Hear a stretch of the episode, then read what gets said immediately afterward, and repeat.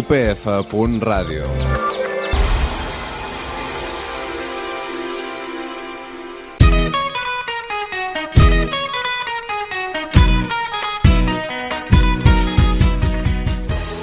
Bon dia i benvinguts a una nova edició de Dols d'Estí, el programa més aventurer d'UPF Ràdio. Som la Paula Pedrero, jo mateixa Marta Caçador i el Toni Borràs al control tècnic.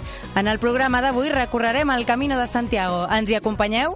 Pels qui no n'hagin sentit mai a parlar, el Camino de Santiago és una ruta històrica que porta a la ciutat de Santiago de Compostela. Milions de pelegrins de tot el món recorrien el camí amb la intenció de veure el Sant Apòstol perquè volien demanar-li un favor o bé donar-li les gràcies per algun miracle. I és que, per a la religió cristiana, Santiago és un destí de peregrinació tan important com ho són Roma o Jerusalem. Tot i això, la seva època de màxim esplendor va ser durant l'edat mitjana. Mentre els reis cristians feien generoses donacions als monasteris i facilitaven la construcció de ponts i hospitals, milers de persones de tota Europa recorrien els camins acompanyats només d'un bastó i una cantimplora. La manera més típica i coneguda de recórrer el Camino de Santiago era fer-ho a peu.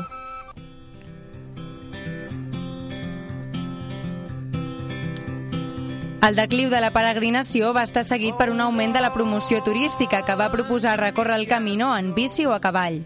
La publicitat del Camino ha generat que milers de persones es sentin atretes per aquesta activitat. Luis Gutiérrez, president de la Federació Espanyola d'Associacions dels Amics del Camino de Santiago, ens ho explica en xifres. El año pasado llegaron a Santiago 270.000 eh, peregrinos. En los años anteriores, si nos remitiéramos al año eh, 1997, los peregrinos que llegaban eh, se- serían unos eh, 8.000 peregrinos. Segons Gutiérrez, aquesta evolució és deguda a diferents factors. Ha habido eh, una, un aumento de asociaciones del Camino de Santiago que están trabajando con los peregrinos. Entonces ahí las asociaciones han hecho un trabajo importantísimo. Un segundo factor sería eh, la hospitalidad a los peregrinos en los albergues. Otro factor muy importante es la señalización del camino, con el fin de que no se produzcan agresiones contra el propio camino L'augment d'afluència dels pelegrins es dona, sobretot, en unes determinades èpoques de l'any. Ens ho explica Marisol Goicoa, encarregada de l'atenció i l'acollida de pelegrins a la Real Col·legiata de Santa Maria de Roncesvalles. y las épocas suelen ser Semana Santa siempre hay más, luego eh, mayo es un mes también muy fuerte, junio baja mucho, julio desde mitades de julio ya empieza a subir y ya es hasta últimos de septiembre la mayor afluencia. Normalmente el motivo mayor es el religioso y espiritual, pero el cultural y el deportivo también suben mucho. Tal i com explica Goicoa, la idea inicial de fer el Camino de Santiago a peu i únicament per raons religioses ha evolucionat cap a noves alternatives. Segons un informe elaborat per l'Institut d'Estudis Turístics de Galícia, només un terç dels pelegrins que realitzen el camino actualment ho fan per motius religiosos. La meitat, això sí, aleguen motius espirituals. Diuen que el fan per trobar-se a si mateixos. Caminar entre 5 i 8 hores diàries pràcticament en silenci permet reflexionar i allunyar-se del ritme frenètic del dia a dia. A més, també hi ha raons culturals i és que el Camino va ser declarat el primer itinerari cultural d'Europa. Aquest permet apreciar el patrimoni històric i artístic al mateix temps que gaudir de la cultura gastronòmica de les diferents regions. Alguns dels plats més coneguts són el formatge idiazàbal, les carxofes de Tudela, els crancs de riu de Palència o el marmitaco basc. I no ens oblidem de les vieires, el pop o els musclos gallecs i de postres com no pot ser d'altra manera la coneguda tarta de Santiago. Un dels motius que està agafant cada vegada més pes és l'esport. El fet de caminar de mitjana 22 quilòmetres al dia és una bona garantia per posar-se en forma. Doncs jo vaig fer el Camino de Santiago amb quatre amigues més i bàsicament ho vam fer perquè ens agradava fer excursions i caminar i volíem fer una mica d'esport d'aquesta manera i creiem que el Camino de Santiago era una manera de, de superar-te tu mateixa i d'aconseguir un objectiu i alhora passar-t'ho genial fent-ho. Però precisament per l'esforç que requereix és molt important cuidar l'alimentació. Ingerir molts líquids i aturar-se a menjar alguna cosa durant les etapes per recuperar energia és imprescindible. Alguns dels aliments recomanats són els fruits secs o la xocolata. Una altra recomanació és cuidar-se bé els peus. És aconsellable hidratar-se els peus amb crema abans de posar-se les sabates per caminar. També és recomanable dur cotó fluix, per si cal embolicar les durícies i fil i agulla per patar butllofes.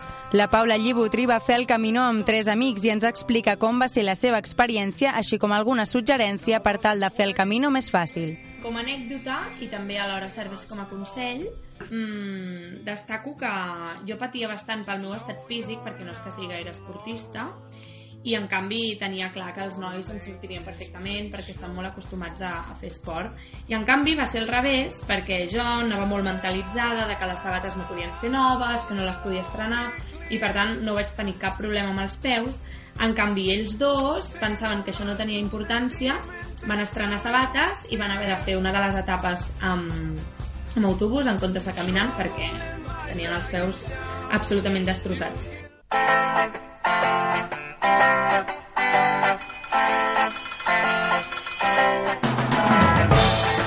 Però el més important són, sense dubte, els procediments previs per poder gaudir de l'experiència.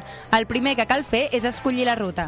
No hi ha un punt concret des d'on iniciar el camí i és precisament per això que el recorregut depèn de cada viatger. Un dels punts d'inici clàssics és Roncesvalles, a Navarra, que porta pel denominat Camino francès. Si en canvi es volen descobrir les valls i els boscos asturians, Oviedo és el millor punt de partida per recórrer el camí primitiu.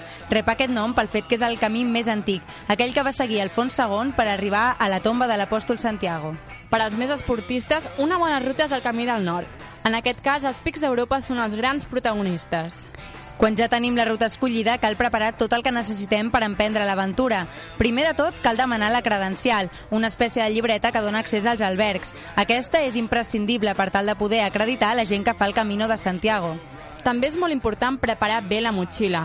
Roba còmoda i lleugera, impermeable, sabates esportives i protectors solars són imprescindibles. I un cop iniciat el camí és important tenir en compte que els albergs no es poden reservar.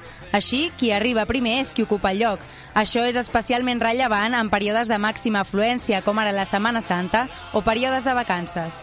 Un cop s'arriba a Santiago de Compostela, els pelegrins que vulguin acreditar que han fet el camino s'hauran de dirigir a l'oficina d'acollida del pelegrí i demostrar que han fet com a mínim 100 quilòmetres caminant o a cavall o 200 quilòmetres en bicicleta. Isidre Tovella ens explica què implica fer el camino en bici. Vam fer el camino, vam fer el camino des de Roncesvalles fins a Santiago. El vam fer en bicicleta BTT. La veritat és que el camino poder és més aviat una cosa que es podia fer caminant, que, que fas més el que és xerrar amb tota la gent del camino, si el fas caminant comparteixes més el xerrar, però si ho fas en bicicleta també tens més temps de, de xerrar i de compartir quan arribes als albergs. Per tal de demostrar-ho, al llarg del seu camí, els pelegrins hauran d'haver segellat la seva credencial als albergs dels diferents pobles i ciutats on hagi fet estada. El Camino de Santiago compleix tots els requisits per ser un viatge inoblidable. Monuments històrics, paratges naturals i estones de reflexió fan d'aquest camí una experiència completa i diferent.